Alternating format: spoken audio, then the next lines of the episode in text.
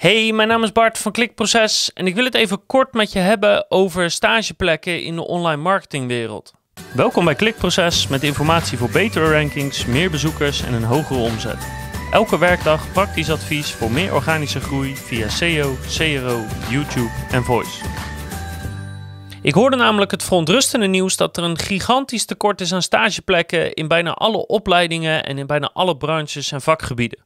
En ook Qua online marketing heb ik gehoord dat heel veel stage, stagiaires, uh, soms wel 50 tot 75 procent van een klas, geen stageplek kan vinden.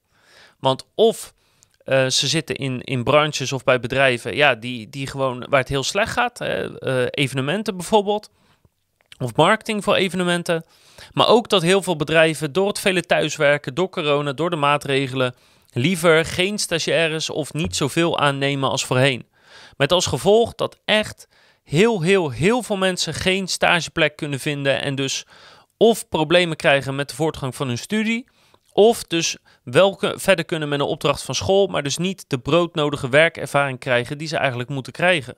En dat is gewoon op lange termijn een serieus probleem. Want kijk, COVID gaat voorlopig nergens heen. Dus 2021 zal het probleem er nog steeds zijn. En als online marketingbranche hebben we gewoon verse, nieuwe, enthousiaste mensen nodig die in onze branche willen gaan werken. Want over het algemeen is er al een behoorlijk tekort aan online marketeers. En voor de stagiaires zelf ook, weet je, mensen die op school zitten hebben gewoon een plek nodig om zich te kunnen ontwikkelen, om uit te vinden of, of ze online marketing leuk vinden of niet. En zo ja, wat, welk stukje van online marketing dan? Uh, ze hebben het nodig om te leren hoe het er in een bedrijf aan toe gaat. Uh, laten we eerlijk zijn, sommigen hebben ook een klein beetje discipline nodig of iemand die ze helpt om dat bij te brengen. Dus er moet gewoon iets gebeuren om die stagiaires een plek te geven. Dus mijn oproep zou zijn: 1.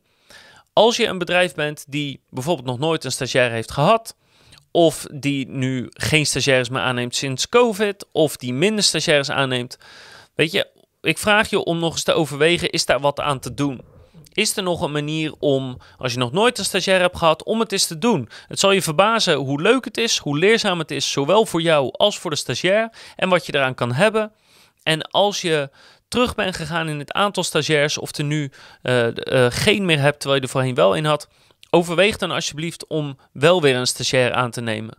Want het is gewoon een serieus probleem. En als COVID nog een tijd gaat duren, dan gaan we echt een behoorlijk gat krijgen in een aanstroom van nieuwe mensen op online marketinggebied. En daar hebben we allemaal als branche en als bedrijven helemaal niks aan.